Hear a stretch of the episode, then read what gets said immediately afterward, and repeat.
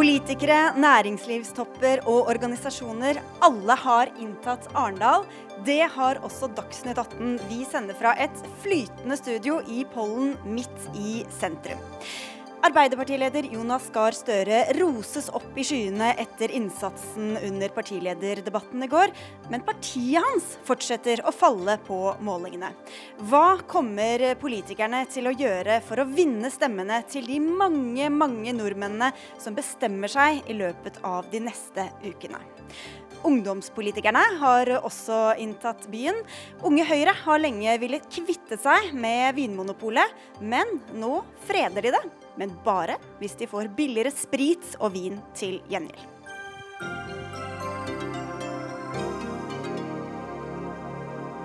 Dette er altså Dagsnytt 18, og noe er ved det vanlige. Vi sender på NRK P2 og NRK2.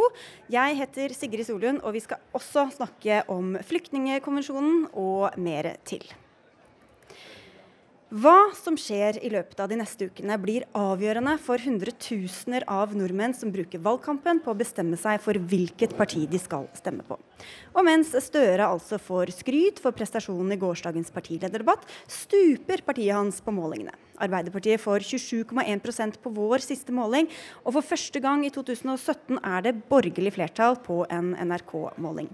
Men likevel kårer dere altså Arbeiderpartiet til eh, den lange valgkampens vinnere. Eli Skogebø, du er professor ved Institutt for medier og kommunikasjon ved Universitetet i Oslo. Hvordan kan dette ha seg? Ja, Det kan ha seg på den måten at det er journalistikken faktisk som har kåra eh, Arbeiderpartiet som vinnere. For det var i vår undersøkelse som handler om hvordan mediene har dekka den såkalt lange valgkampen, altså fra oktober i fjor til juni i år. Så, eh, så er det Arbeiderpartiet som har fått flest treff i det store datamaterialet som vi har lagt til grunn for undersøkelsen. Så dere har rett og slett talt opp hvor mange ganger Arbeiderpartiet er blitt omtalt, og de andre partiene? Ja, vi har eh, gjort søk eh, eh, i, en stor mediedatabase og sett på og fått resultater på hvordan mediedekningen ser ut. Og Der kommer Arbeiderpartiet ut som og har fått litt flere treff enn det Høyre og Frp har fått. Så de store partiene får jo alltid flest treff. Ingrid Langerud, du er kommunikasjonssjef i Arbeiderpartiet. Det er vel kanskje hyggeligere med gode meningsmålinger enn med bare mye mediedekning, eller?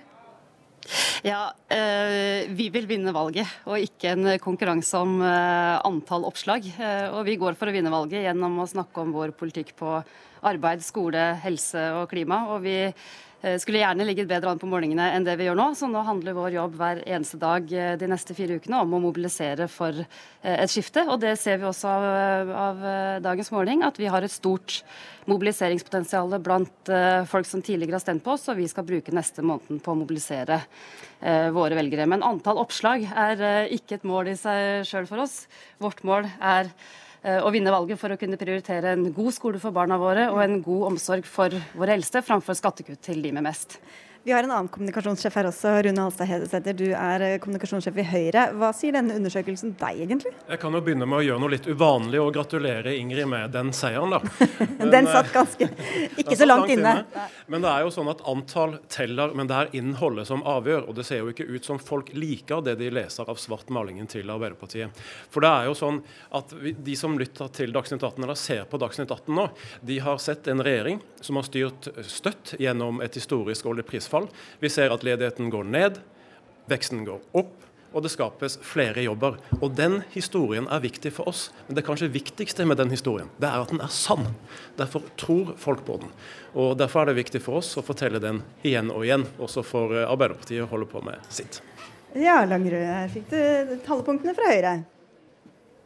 Ja, vi gjør vårt beste for at velgerne skal kjenne til vår politikk og hva vi går til valg på. Vi er opptatt av å møte folk der de er, og av å være nær folk. Og Derfor så er bl.a. det å være til stede i hele landet og synlig i lokale og regionale medier viktig. Det viser også denne undersøkelsen, at, uh, at lokale og regionale saker uh, er noe som, uh, som, det er mange treff på. og og De siste ukene så har vi presentert vår politikk og konkrete planer på arbeid, helse, okay. eldre. I morgen presenterer vi vårt skoleløfte. Og det er selvfølgelig ekstra hyggelig når vi får massiv omtale basert på gode saker vi legger fram.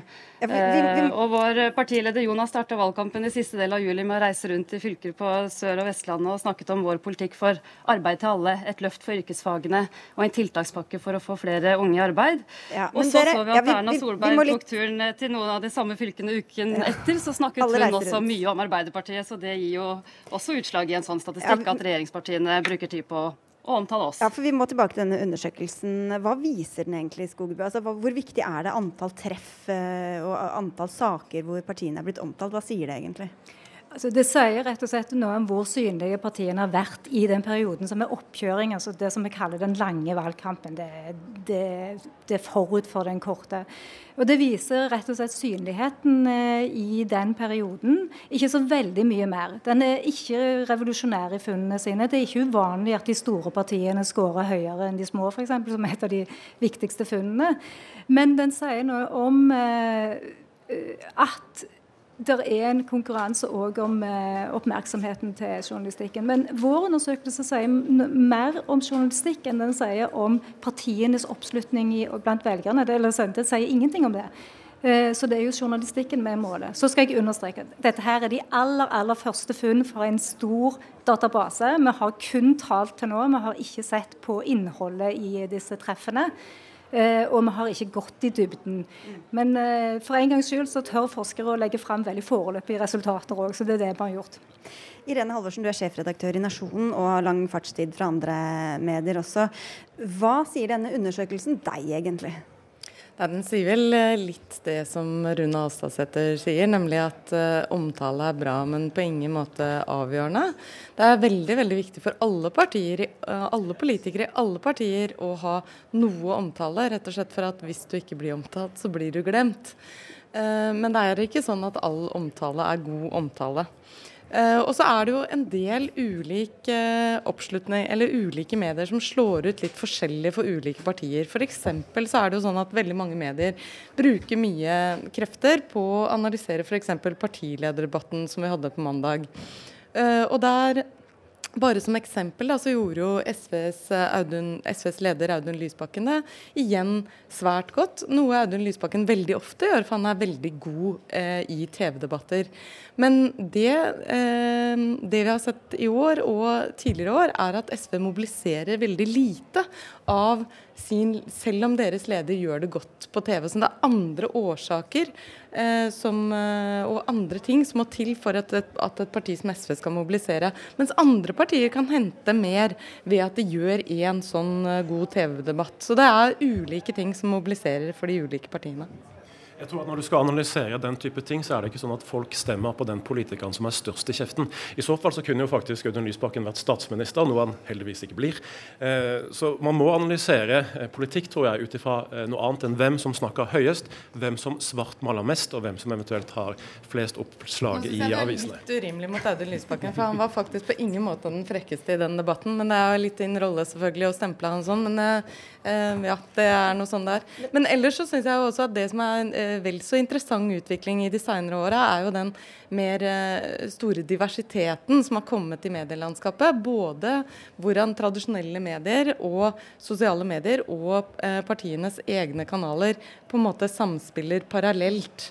Og denne undersøkelsen jo, er jo bare en opptelling av tradisjonelle medier, og viser vel, så vidt jeg vet, nei, den viser også sosiale medier. Jeg syns i hvert fall det er ganske morsomt med årets valgkamp, fordi tradisjonelle medier har på ingen måte utspilt sin rolle. Jeg tror samspillet mellom politikere og medier fortsatt er der. Men de gode, altså de store partiene eh, er blitt veldig gode til å få fram sidebudskap og humoristiske innslag som de kanskje ikke får inn ellers. Og to veldig gode eksempler i år er jo en veldig morsom video som Høyre har laget, der det ser ut som en familie sitter i sofaen og skal se en TV-debatt, og Erna Solberg uh, snakker om uh, fraværsgrensen i videregående skole, og plutselig henvender seg direkte til Ulrik i sofaen. Uh, det samme med Jonas Gahr Støre, som har spiller videre på Arbeiderpartiet. Hadde jo Jens Stoltenberg i taxien, det husker vi veldig godt. Nå har Jonas Gahr Støre kjørt en veldig morsom sak med en lydmann som, som sier at dere kommer jo aldri til poenget, dere må være kortere, kortere, kortere. OK, sluttbudskapet til Arbeiderpartiet blir arbeid, ikke noe mer. Sånn at dette samspiller. Ja, og Dette er jo da det, det budskapet dere kan velge selv å sende ut Rune Alstadsæter uten støy eller surr fra ekle journalister. Hvor viktig er, er den mediedekninga dere får i tradisjonelle medier? Jo, den er viktig. Uh, og De tradisjonelle mediene har fortsatt en viktig rolle for å definere hva folk snakker om, både i Oslo og ellers i landet. Men jeg tror også, hvis jeg får dra en kort analyse, at man har lært også i Høyre litt om hvordan det er å sitte med makt i posisjon. I 2005 uh, så ble det gjort også medieforskning på hvordan partilederne ble spurt ut på TV. Og Da ble Erna fikk kun spørsmål om de fire årene som var gått, mens Jens fikk spørsmål om de fire årene som skulle komme. Og Det vi kan ha lært av det, er at når vi skal skal fortelle om hva vi vil gjøre de neste fire årene for å skape en god tidlig innsats i skolen f.eks., så må vi skape flere arenaer. Og Da er Facebook viktig. Da er dørbank viktig. Og Da er det viktig å stå på torg og andre arenaer og kunne fortelle om egen politikk. Og Det morsomme med det, med det eksempelet er at det er du som spurte ut eh, disse partilederne. Ja, Tenk at du ikke skulle snakke om det. som tidligere kollega i politisk avdeling i eh, NRK. Ehm, for eh, da viser jo dette Langerud at dere får masse medieomtale. men hvor viktig er det å være den som definerer virkeligheten i de mediene? For noen ganger blir man jo bare tilkalt for å, uh, for å eh, kommentere uheldige saker, f.eks. Altså det aller viktigste for å vinne valg er innholdet i politikken, som er det vi ber om å få velgernes tillit til å få gjennomføre. Og vi har eh, vårt partiprogram som har pekt ut fire hovedsaker som er viktigst for oss ved dette valget. Og det er arbeid, skole, helse og klima. Vi ja. vil snakke om det som er viktigst for velgerne. Ja, Men det er jo ikke alltid dere slipper til med det, da. ikke sant? Fordi noen ganger så, Det er jo det denne undersøkelsen viser jo, er jo litt bare eh, teller jo opp eh, og sier ikke noe om vinkling, f.eks. Nei. Ikke sant? Det viser jo bare hvor mange, hvor mange ganger dere er der. Så, så, hvordan er det for partiene? Hvordan, hvordan, jobber dere for å komme og være den som definerer virkeligheten da, som, som omtales i mediene? Altså Vår valgkamp handler først og fremst om alle de velgermøtene eh, som vi gjør hver eneste dag. Eh, og det er litt eh, som var temaet nå, med samspillet mellom mellom det som skjer på stand eller eh, i dialogen i sosiale medier eller i tradisjonelle medier. Det handler om alle velgermøtene, og også velgernes makt til å være med på å definere hvilke saker som er viktig for dem, som påvirker både eh, det innholdet vi som partier selv lager i sosiale medier, og som påvirker medienes dagsorden. Og vi ønsker å møte flest mulig potensielle velgere, om det er ved å banke på døra eller stå på stand i gågata eller ha innlegg i avisa, eller ha dialogen i sosiale medier.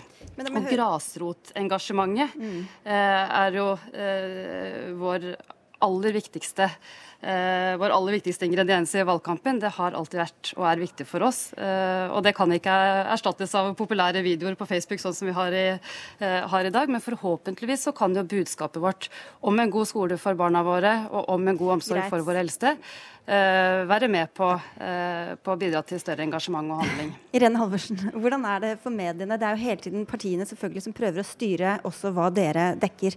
Hvor, hvordan er den maktbalansen sånn som du opplever det? Hvor mye bestemmer dere? Hvor mye halser dere etter hva partiene sjøl gjør? Nei, det er en evig kamp for en uh, journalist uh, i en bransje som er blitt uh, pressa på retrett, å stå imot i flest mulig innsalg. Fordi jobben vår er jo ikke å være mikrofonstativ for Høyre, Arbeiderpartiet, Senterpartiet, SV, hvem det måtte være, men å forsøke selv å definere hva vi mener er det viktigste denne dagen, dette døgnet, denne uka, denne måneden. Men det er jo også sånn at veldig mange partier har veldig gode undersøkelser, gode analyser og gode og interessante utspill som velgerne er interessert i å lese og høre om. Og det tar vi selvfølgelig på alvor. Jeg syns det er interessant her å høre, høre Alstadsæter og, og Langerud fra Arbeiderpartiet, fordi begge to snakker liksom veldig sånn hakkete mot hverandre, men en veldig, veldig vesentlig ingrediens i denne valgkampen er jo noe ingen av de prata om eh, opprinnelig, nemlig det opprøret som skjer ute i bygda, eh, distriktsopprøret, og som preger og som skjærer gjennom nesten alle partier i, dette, i denne valgkampen, og kan bestemme, kan avgjøre hvem som blir statsminister. Vi må avslutte, men helt til slutt her, Skogebø. I, I, går så vi Jonas Gahr Støre fikk gode karakterer fra disse nevnte mediene også for sin opptreden. Eh, nå hadde vi denne målinga som er tatt opp i forkant av den. Hvor viktig er sånne enkeltopptredener og enkelthendelser under en valgkamp?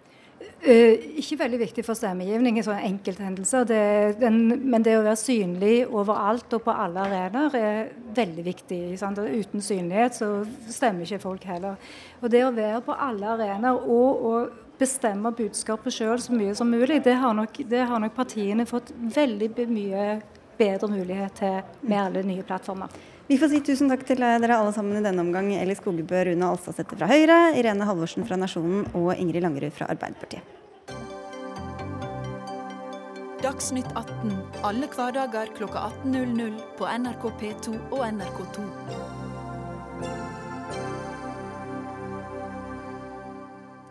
Unge, Høy Unge Høyre og Fremskrittspartiets Ungdom har lenge sagt at de vil legge ned Vinmonopolet. Nå snur de, men på en betingelse. Alkoholavgiftene må ned hvis Vinmonopolet skal få fortsette å leve. Og Nå håper dere til og med at KrFU blir med på forslaget. Kristian Tone Grise, du er leder i Unge Høyre, og også stortingskandidat. Hvorfor vil dere da likevel la Vinmonopolet leve nå på deres nåde?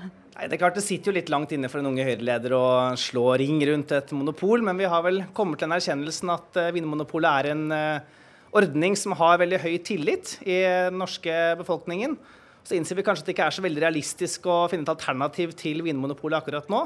Så da vil vi i stedet jobbe med å forsøke å forbedre den ordningen som vi har nå.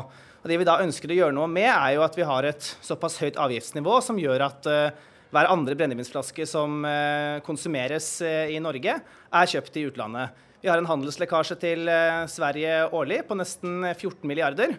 Og hvis vi kunne fått harmonert avgiftsnivået vårt mer mot svensk nivå, så hadde, ikke, fått, hadde ikke alkoholkonsumet i Norge nødvendigvis gått noe særlig opp. Men vi kunne sørget for at vi handlet mer av alkoholen her i Norge, og forhåpentligvis også beholdt mer av skatteinntektene i Norge. Så det er en vinn-vinn-situasjon. Billigere kos og, og mer inntekter til staten. Men eh, ja, hvor mye lavere avgifter vil dere ha? Nei, vi ønsker jo å harmonere med, med svensk nivå. Eh, og eh, nøyaktig hvor mye det, det, utgjør, det vet jeg ikke. Men vi har, et, eh, vi har, jo et, godt eksempel som jeg håper at KrF også vil være interessert i å lytte til. Og det er jo faktisk fra Bondevik II-regjeringen. Som ofte er en regjering som KrF har varme tanker om. Og I 2002 og 2003 så senket vi jo faktisk eh, spritavgiftene med en statsminister eh, fra KrF. Og det som det førte til var at Vi klarte å stoppe handelslekkasjen eh, til Sverige. Og faktisk så økte eh, avgiftsinntektene til staten med lavere avgifter fordi mer av alkoholen ble konsumert her hjemme. Og Det er det samme som vi da ønsker å få til nå. Da får vi høre om dette historiske eksempelet var nok til å få KrF ut til å snu på direkten. Ida Lindtveit eh, Røse, du er altså leder i, i Kristelig Folkepartis Ungdom. Hva sier du til forslaget? Nei, For det første syns jeg det er bra at uh, Unge Høyre FPU endelig har kommet til den erkjennelsen at Vinmonopolet er en god ordning. Det er jeg helt enig i. Og jeg tror også at man må gjøre flere tiltak for å beholde Vinmonopolet sånn som det er. Vi har pekt på f.eks. at Vinmonopolet bør ta over taxfree-salget uh, for å styrke Vinmonopolet som en institusjon i Norge. Men uh, uenigheten er der fortsatt når det gjelder avgifter. Jeg mener det er viktig å huske på at alkohol ikke er en vanlig forbruksvare som melk og brød, og det er en grunn til at vi har et et høyt avgiftsnivå på alkohol, det er for å begrense tilgangen, sånn at vi får lavere konsum. Og det mener jeg vi må fortsette med, og ikke redusere den avgiften. Det er vel litt sånn at svenskene drar til Danmark for å handle, danskene drar til Tyskland, og tyskerne drar til eh, Polen, eller hvor det er. Så egentlig kan vi bare la det billigste landet bestemme, diksere avgiftene oppover hit til Norge. Det er Nei, men det er, jo, det er jo primært Sverige at vi har en stor handelslekkasje til, og det er jo fordi vi deler en ganske stor eh, grense med Sverige. Og Det er jo ikke sånn at eh, det høye avgiftsnivået i Norge nødvendigvis fører til at det konsumeres så veldig mye mindre alkohol, men det føres til at veldig mye alkoholkonsumet er alkohol som er kjøpt både i Sverige, men også på taxfree. Men vet du det? Vi vet jo at tilgjengelighet og pris er det som styrer i, stor grad hvor mye vi faktisk drikker. Ja, men Vi har jo det eksempelet da, fra, fra, fra Bondevik II. Så kan sikkert eh, folk som har eh, forsket mer på svingninger i alkoholpriser og konsum, kanskje si om dagens situasjon er relevant. Men jeg tror det er grunn til, å, grunn til det. fordi eh, avgiftene i Norge har, har, økt, mens det har gjort det motsatte i, eh, i hvert fall stått eh, mer stille i, i Sverige. Eh, og Da kan det være lurt nå å harmonere nivået mer mot eh, svensk nivå. Mm. Og Hvis vi bare kunne fått uh, halvparten av, det, av, den lekkasjen som vi har til eh, Sverige hvert år hjem til Norge i stedet, så er det 7 milliarder inn i statskassen. Og det er penger som vi kan bruke på mange andre gode tiltak. Og så kan vi se for oss Når vi først reiser til Sverige, så er det ikke sånn at vi bare kjøper én flaske vin og to halvlitere. Nei, og nå har man jo økt kvoten også med den regjeringen, og jeg mener det er negativt nettopp pga. at det skaper at flere drar til Sverige og kjøper mer alkohol der. Så tenker jeg vi må passe på hvorfor har vi den alkoholpolitikken vi har i dag. Jo, eh, om lag 22 milliarder kroner går til helserelaterte skader knytta til alkohol i Norge. Eh, det er barn som lider under at foreldre misbruker alkohol. Vi ser eksempler på det spesielt nå i feriene. Eh, og alkoholpolitikken skal være der for de som er aller svakest. Og det er barn, det er de som misbruker alkohol. Og der er avgiftsnivået en nøkkel for å begrense alkoholmisbruk, og det mener jeg vi må fortsette å ha. Men de lider jo ikke noe mindre under varer som er kjøpt på Systembolaget enn som er kjøpt på Vinmonopolet? Nei, men vi har jo noen restriksjoner i Norge. Det er salg, antall salgssteder, det er åpningstider, og det er avgifter. Så lenge vet at handelslekkasjen er så stor, Hvorfor ja, men disse, men disse, disse, restriksjonene er kjempeviktige for dem det gjelder. Fordi at når man da drar på butikken etter klokken seks, så får man ikke kjøpt alkohol. Det er noe helt annet enn å måtte dra til Sverige. Og når man i tillegg har utvida kvoten, som gjør at når man tar den turen til Sverige, så får man kjøpt mye mer alkohol enn det man gjorde tidligere, så mener jeg det er det første tiltaket som Unge Høyre burde snudd på, og redusere den kvota for å hindre den handelslekkasjen. Men Veldig mye av dette er jeg enig i, selv om det kanskje KrFU ønsker noe mer restriksjoner enn det vi ønsker. men noe av poenget med hele forslaget her er jo nettopp å hente hjem mer av handelen til det regulerte utsalget som vi har i Norge. Eh, og jeg tror det er bedre for eh, også norsk alkoholpolitikk og for å kunne, kunne føre en, en, både en restriktiv politikk og at vi har mer kontroll over konsumet her. Og da har vi også mer penger på forebyggende tiltak eh, overfor folk som har alkoholproblemer. Og da mener jeg at vi kan starte med å la Vinmonopolet overta taxfree, redusere kvota. Og så håper jeg at Unge Høyre kommer til den erkjennelsen at ikke bare Vinmonopolet er en god ordning, men at også avgiftsnivået kanskje er en god ordning. De er kommet halvveis, eh, i hvert fall i den eh, retninga. Vi får si tusen takk skal dere ha begge to for at dere kom til Dagsnytt 18 i dag. Ida Lindtvedt Røse fra KrFU og Kristian Tonning Riise fra Unge Høyre.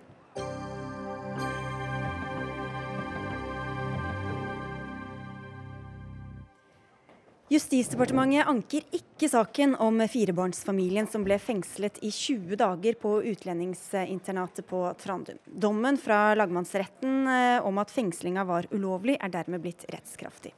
Retten fant at fengslinga var i strid med Grunnloven, Den europeiske menneskerettighetskonvensjonen og Barnekonvensjonen. Justisdepartementet sier til NRK at de vil opprette et mer barnevennlig internat ved siden av Trandum, men utelukker ikke at barn i framtida kan bli fengsla. NRK får opplyst av Politiets utlendingsenhet at det per i dag ikke sitter barn fengslet på Trandum. Adele Matheson Mestad, du er nestleder i Norges nasjonale institusjon for menneskerettigheter. Hva mener lagmannsretten at staten gjorde feil i denne spesifikke saken? Altså det Lagmannsretten tar som utgangspunkt, er at staten har et helt betimelig og legitimt behov for å tvangsreturnere utlendinger uten lovlig opphold, og i ytterste konsekvens med tvang. Men det denne saken handler om, er at man da internerte til dels små barn over en lengre tidsperiode på utlendingsinternatet eh, på, på, Trandum, og at dette var i strid med som du nevnte innledningsvis, i strid med deres grunnleggende rettigheter etter både Grunnloven og Menneskerettighetskonvensjonen.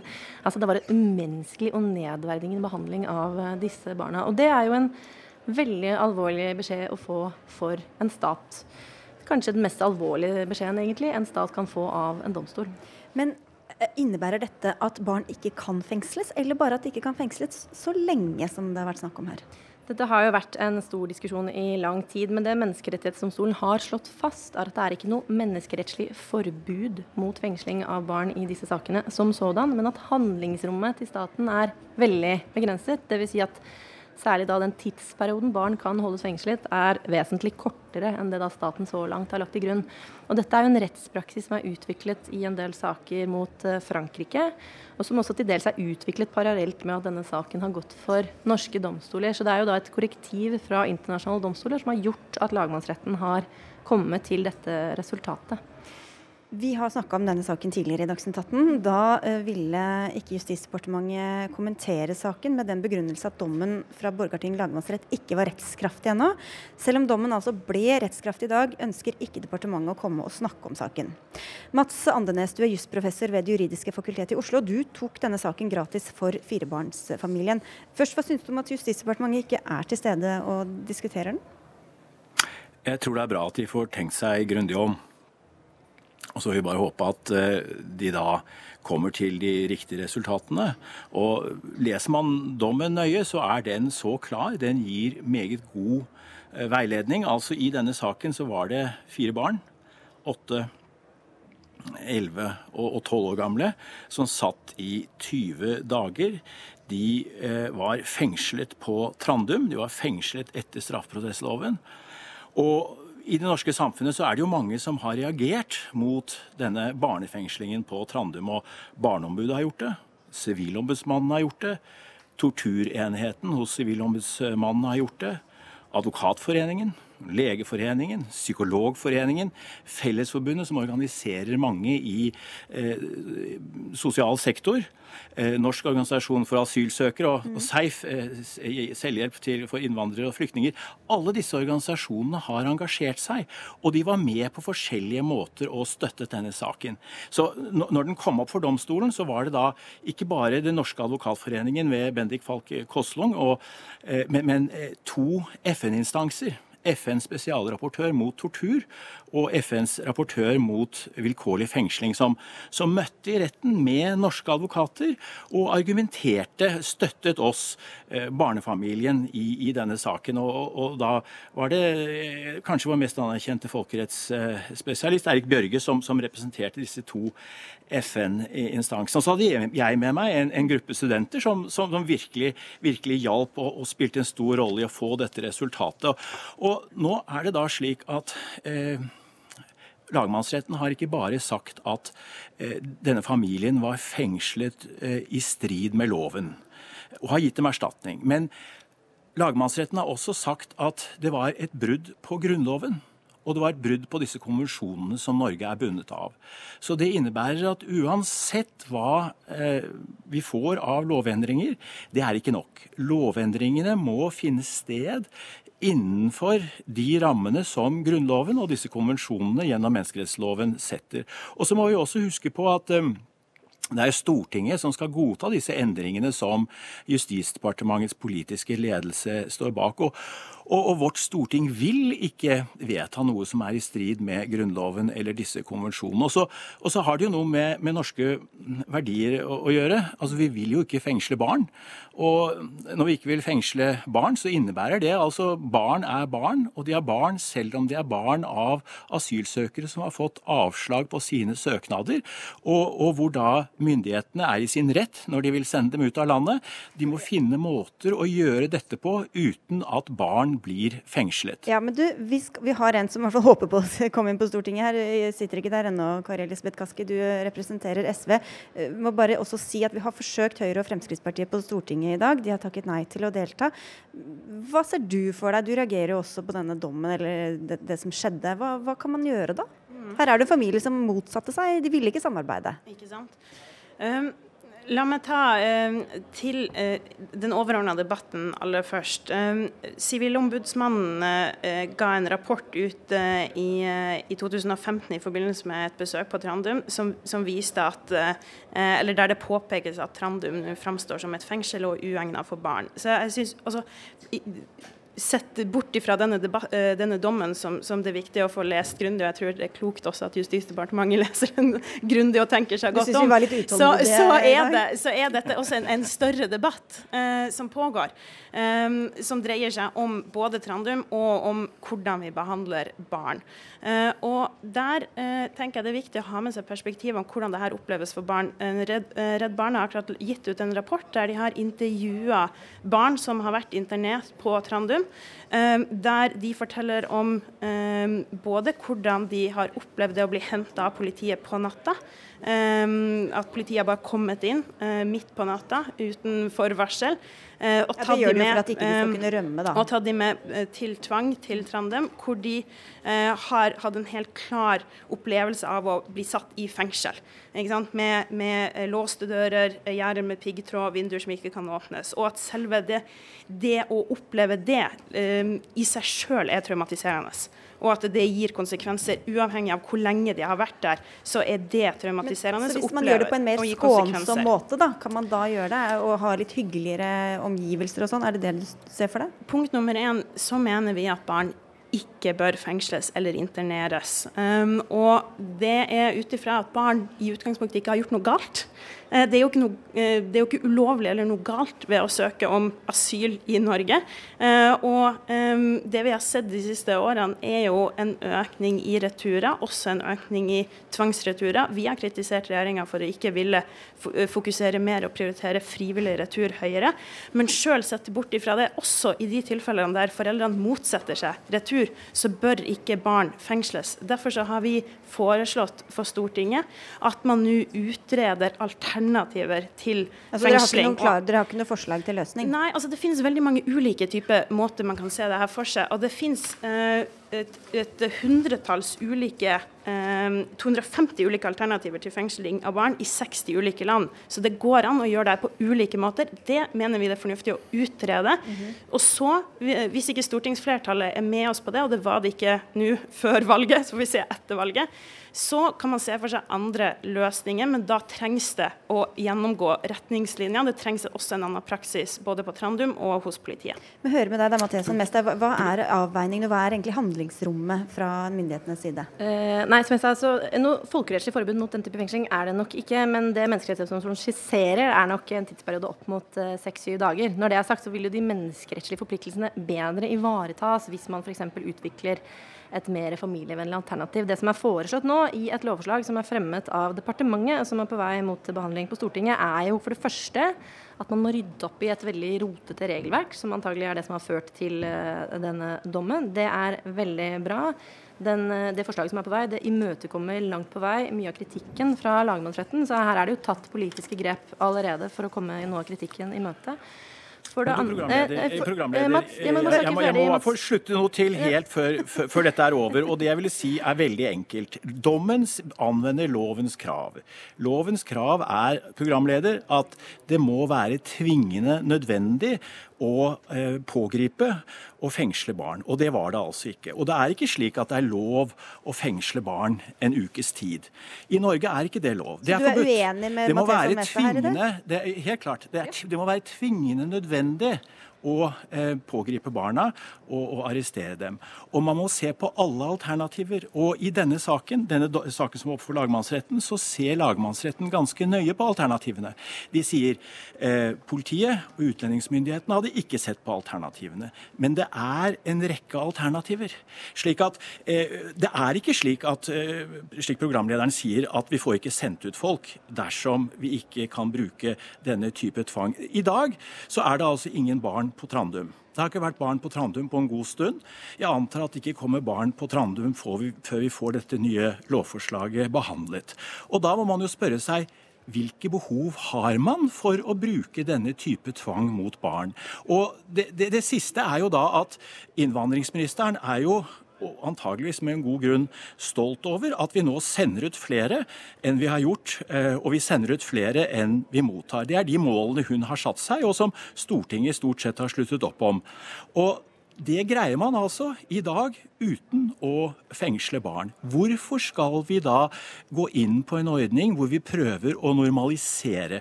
Og som eh, den andre eh, det ble sagt rett før meg her nå, det er så traumatiserende med disse arrestasjonene tidlig på morgenen med uniformerte politifolk, bli tvangsmessig brakt ut av der man bor og inn i en slik fengselsinstitusjon.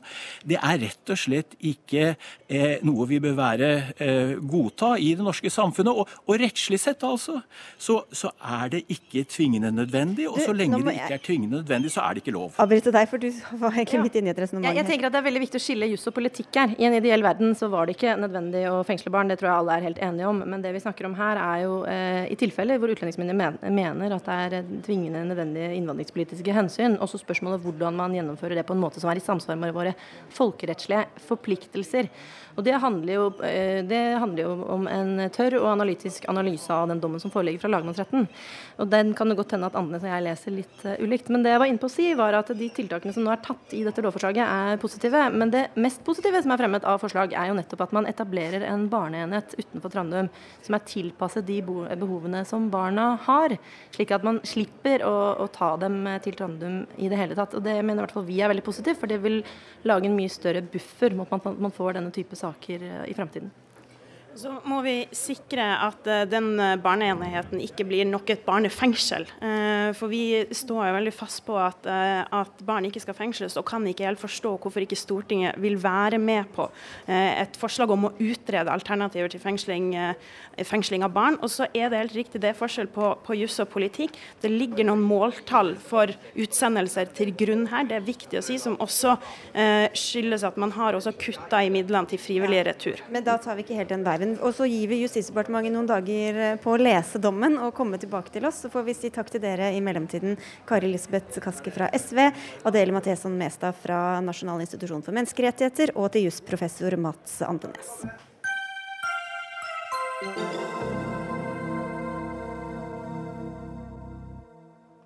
Partiet Demokratene får ikke delta på skolevalgdebattene i Vest-Agder, til tross for at de sitter godt representert i fylkestinget og i bystyret i Kristiansand. Det tverrpolitiske ungdomsnettverket i Vest-Agder, som bestemmer hvem som får delta i skoledebattene, mener de bare følger vanlige retningslinjer.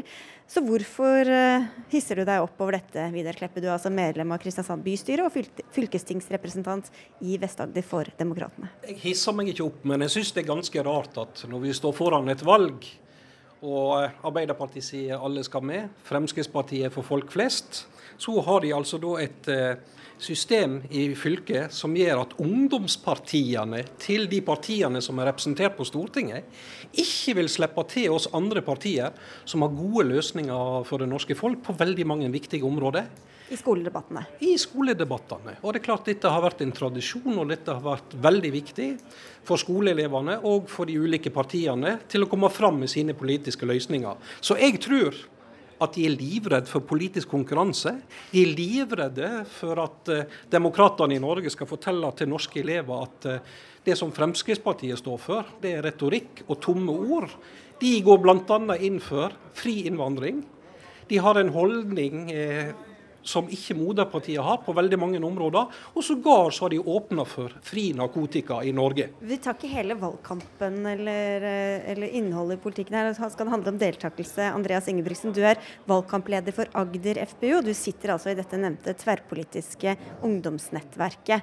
Hvorfor blir Demokratene og andre utelatt fra disse skoledebattene? Det sånn det er 17 partier som stiller til valg i Vest-Agder. Uh, og da, jo, Det er kjempeflott, det er en, uh, fint for demokratiet. Ja. Men det som vi sett at det blir problematisk Du bare la meg prate ferdig, Vidar. Det vi setter det er problematisk, det er at når det er 17 partier som skal være med i en skoledebatt, uh, så går ikke det med tanke på tid og kapasitet. Hvis alle de 17 partiene skulle vært med, så vil man ikke rekt lenger enn å ta en runde med åpningsinnlegg og en runde med avslutningsinnlegg. Det blir rett i overkant av fem minutter per partigruppe. Det mener vi er for lite. Så vi forholder oss til de retningslinjene som Utdanningsdirektoratet anbefalte oss. At hva er det? det er at de partiene som ved foregående skolevalg fikk over 1% på fylkesnivå, de skal få lov til å være med. Eh, og Demokratene fikk i forrige skolevalg de fikk 0,6 oppslutning i, eh, på fylkesnivå. Det svarer ikke over det kravet som stilles fra Utdanningsdirektoratet, vil derfor ikke få lov til å være med i valget. Ja, hva slags debatt får man hvis 17 forskjellige representanter skal eh, dele tida mellom seg, Kleppe? Nei, så lenge jeg og Demokratene er med, så får vi en kjempegod debatt. Opplysningsdebatt på hvordan vi skal gjøre Norge tryggere og bedre. Ja, Men det blir jo ikke noe debatt, da får jo ingen noe tid til å snakke. Dette er jo helt feil. Jeg har siden slutten av 80-tallet eh, vært med i politiske debatter. Vi har alltid klart det før.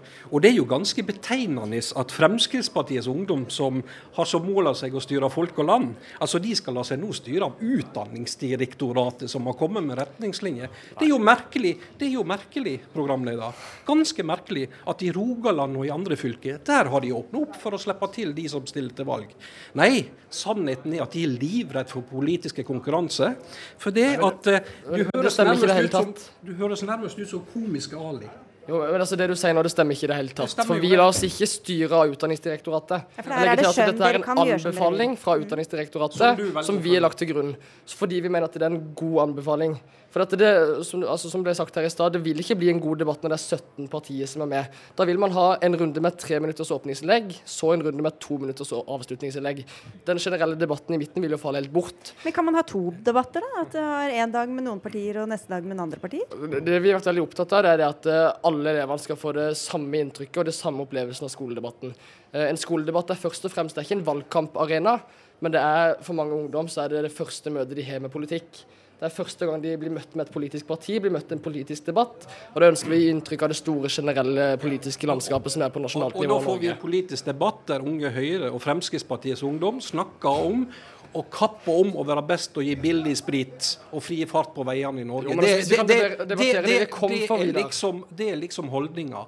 Og det er klart at når vi demokratene har et fundament og et godt alternativ til dem, så vil de ikke ha konkurranse. I Kristiansand så ble Fremskrittspartiet med sist halvert. Vi fikk 4,7 oppslutning. Men det gjelder jo ikke bare dere, det er jo mange andre som ja. også blir utelatt. Jo, men det går ut fra størrelse. De kristne må jo få slippe til på Sørlandet. Det er jo merkelig at ikke de Nei. får slippe til. For, fordi at Nei. Det som er saken her, det er at siden januar så har de politiske partiene i Vest-Agder planlagt skolevalgkampen. Derfor syns jeg det er direkte frekt av demokratene å komme nå én uke før valget starter og kreve å få lov til å diktere og være med. For du visste at det var valg i år. Du visste at valgdagen i år var 11.9. Du visste at i forkant av 11.9. så skulle det være skolevalg. Det har det vært hvert år. Så hvorfor har ikke du klart å i forkant ta initiativ med oss og være med og planlegge for oss å bidra til at det skal bli best, best mulig. Alle de andre partiene har klart det, men det har ikke demokratene klart. Nei, for vi har tatt det som en selvfølge at når vi har en borgerlig regjering, og når Fremskrittspartiet er lederen i Vest-Agder Så skal de sørge for at dere får være med? Nei, men de sier jo at de er veldig demokratiske. Så jeg trodde jo ja, hvorfor, var, var, det i de beste hendene at vi ja, som bare overlatt det til andre. Ja, hvorfor har dere ikke tatt grep sjøl, da? Nei, men, nei, men altså, Dette har jo vært en prosess hele tida som har gjort at vi har fått vært med på debattene. Som vi har vært med på debattene. Så det kom jo som en stor overraskelse at de ikke vil ha konkurranse, og at de vil utelukke oss på dette her. Så jeg men, håper Hvis alle hadde tatt det som en selvfølge at valget ble planlagt, tror du det hadde blitt planlagt da? Hvis alle tok det som en selvfølge at alle de andre gjorde det? Ja, men jeg tror jo du er en demokrat som vil slippe til. okay, vi lar, den, vi lar den ligge litt. Men Ingebrigtsen, uh, Ingebrigtsen for å mm. ta det uh, litt overordnede. Mm. Dersom alt er uh, avhengig av hva som skjedde ved forrige valg, så blir det jo vanskelig for nye partier å komme inn på denne arenaen? Ja, Det henger litt sammen med det jeg sa i stad. Det er ikke en, først og fremst en valgkamparena, men det er en arena hvor ungdom kan få sitt mø første møte med politikk. Og så er det ikke sånn at fordi man ikke får taletid i debatter, at man ikke er med i valget. For elevene vil fortsatt få mulighet til å stemme på alle partiene som er med i valget. Så demokratene kan også stemmes på. Men det er ikke så interessant å stemme på noen du ikke har hørt noe fra, kanskje? Jo, men altså, nå er det sånn at skoledebattene er fra ca. 22.8 til rundt 29. Eh, og så er valgdatoen på de fleste skoler 4. eller 5. september. Så man har god tid til å lese seg opp på de ulike alternativene i forkant. Eh, og de fleste skoler velger også å praktisere og ha egen undervisning hvor de presenterer de ulike alternativene. Det, det faller jo på sin egen urimelighet at uh, vi ikke får slippe til. Vi er representert både i fylkestinget og i bystyret. Og på Sørlandet, og det kommer vi til å bli òg resten av Norge, vi kommer til å bli overraskelsen i valget denne gangen. Det hadde en sak tidligere i dag om sosiale medier.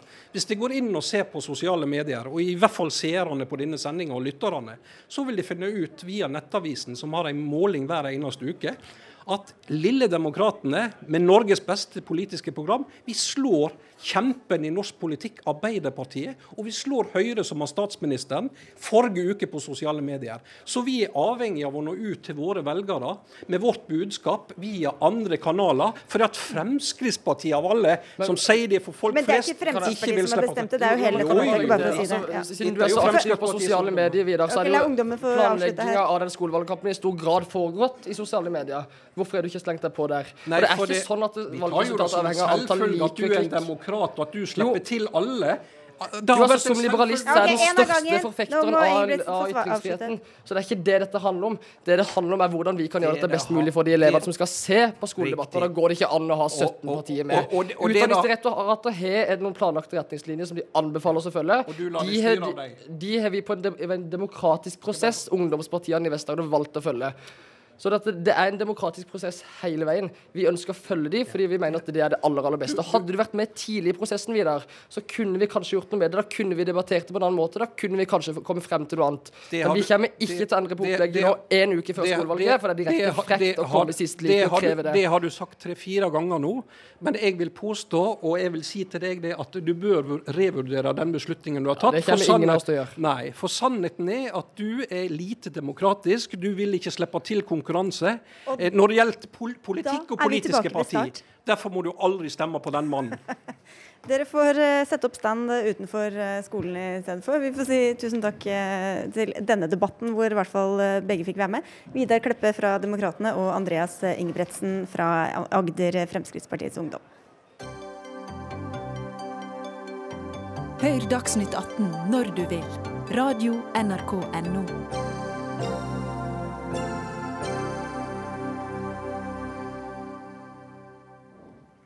Nesten to år er gått siden seks norske partier eh, gikk sammen og ble enige om et omfattende asylforlik. Avtalen hadde bred politisk oppslutning på Stortinget, men eh, vakte oppsikt internasjonalt. Årsaken var at avtalen tok til orde for en gjennomgang av internasjonale konvensjoner, slik at de bedre tilpasses dagens flyktningsituasjon. Tre av partiene som stilte seg bak forliket, henholdsvis Arbeiderpartiet, Senterpartiet og Fremskrittspartiet, har inkludert dette punktet i sine partiprogrammer. Og det har fått deg til å stusse, Pål Nesse, du er seniorrådgiver i Flyktninghjelpen. Hvorfor det? Fordi dette ble lagt merke til internasjonalt. Fordi man stusset over at er det Norge for første gang vi hører snakke om at vi skal innskrenke retten til asyl. Vi skal stramme inn på den og menneskerettighetene. Var det det, det som ble sagt, da? Det var sånn, det kunne vanskelig leses på en annen måte når man skal gjennomgå konvensjonene som del av en innstramningspakke. Dette var ikke en forbedringspakke, men en pakke med mange strenge eh, innskrenkninger i hvordan vi håndterte flyktningsituasjonen. Og i dag har dere snakket om det eh, her i Arendal også. Eh, det var spesielt Arbeiderpartiet dere var litt spente på hva mente med denne formuleringa i sitt program.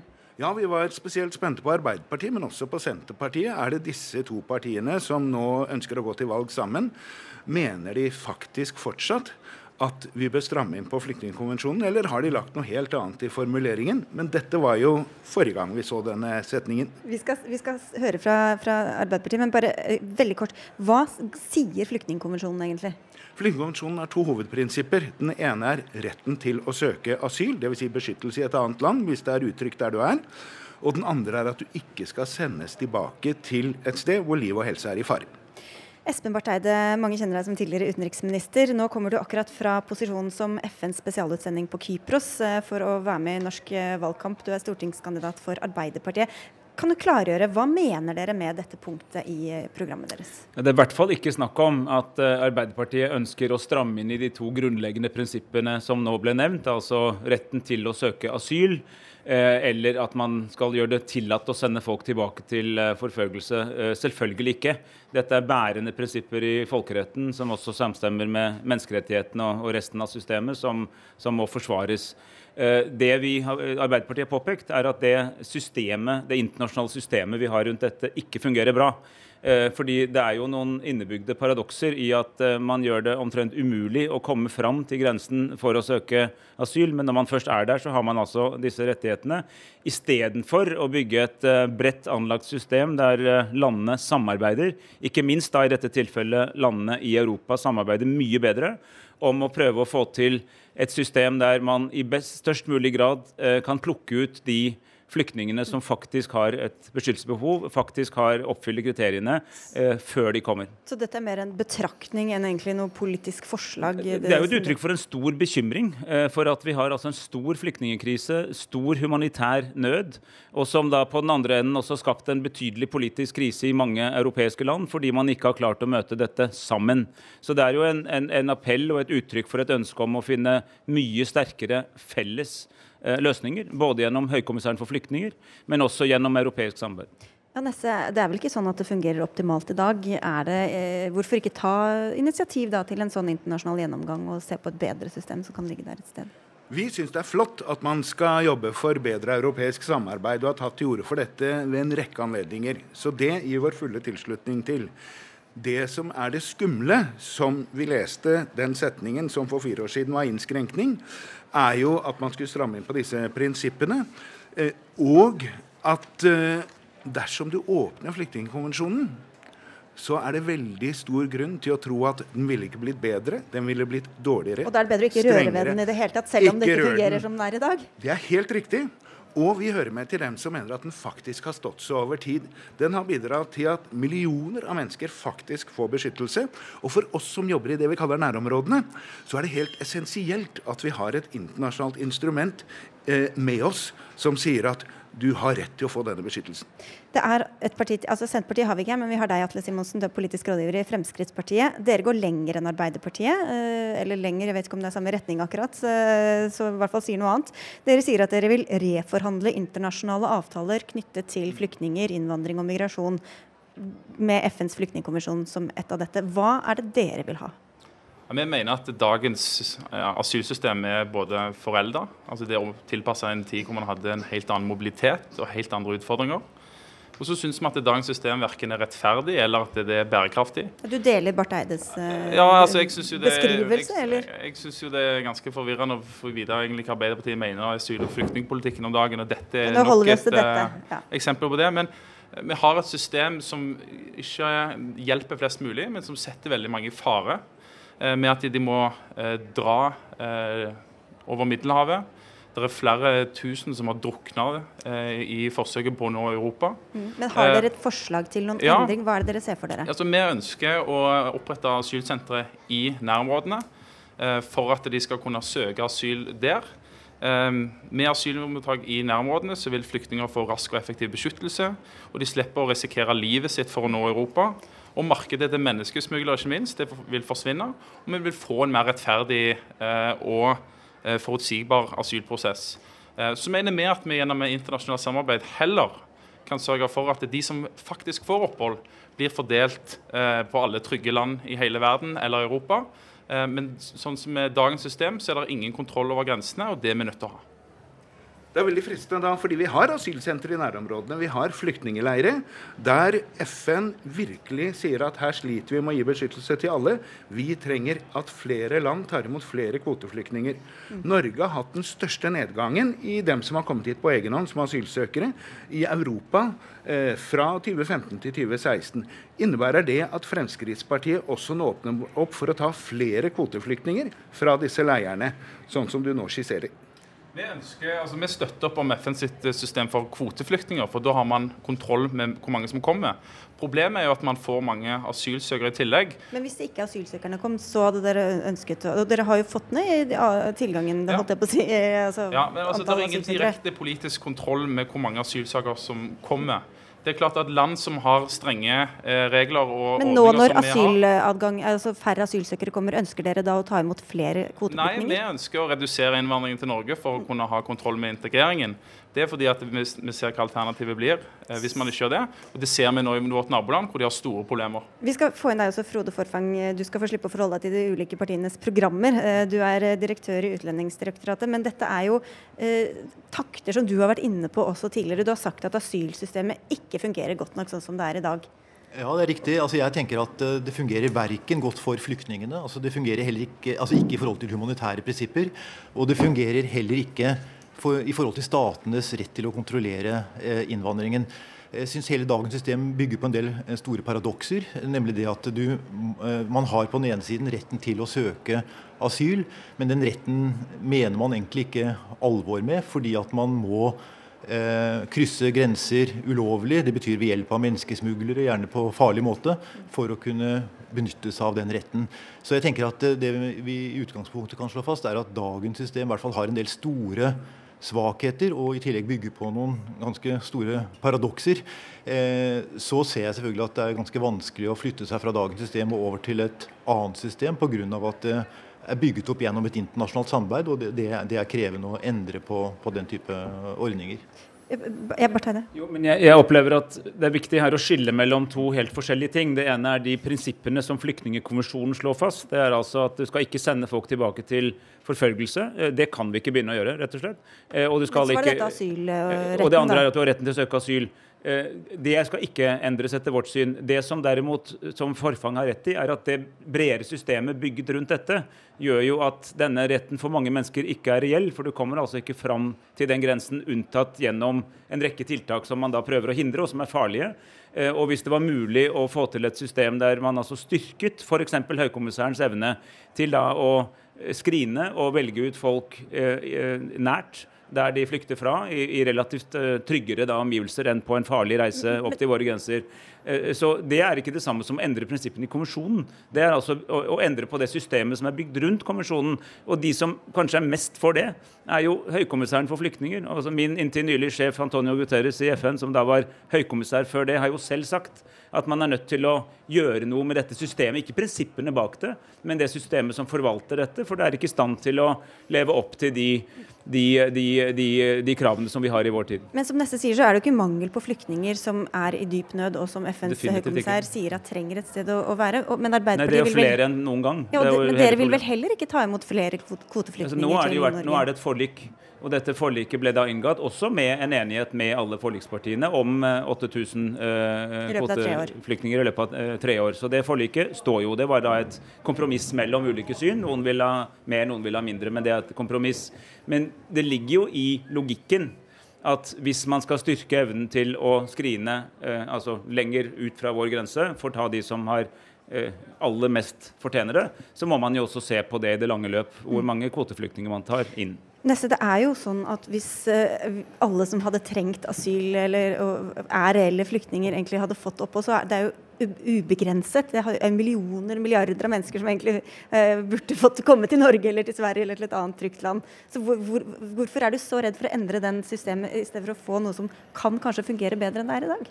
Vi syns det er bra at man ser på bedre måter å fordele det på. La meg bare understreke det.